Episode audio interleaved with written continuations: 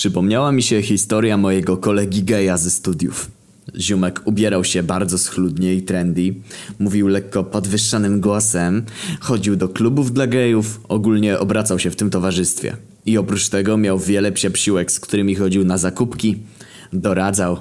No ogólnie kurwa typowy gej przyjaciel z seriali pokroju Seks w Wielkim Mieście. Z tą jednak różnicą, że jego koleżanki były znacznie ładniejsze niż pani koń. Do czego zmierzam?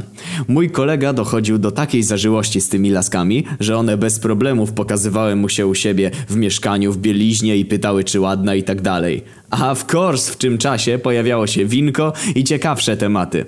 I również temat jego pociągu do kobiet. I wtedy również wiele jego psiapsiłek chciało sprawdzić, czy da się zaciągnąć geja do łóżka. On dawał się zaciągać, po wszystkim mówiąc, że to nie to i jednak woli facetów, ale wiele z nich miało satysfakcję, że zaciągnęło geja do łóżka.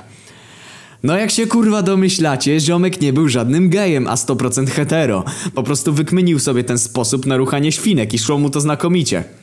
Prawdę o nim poznałem, kiedy jeszcze razem należeliśmy do studenckiego ONR-u i ruchaliśmy się w dupę. To były czasy.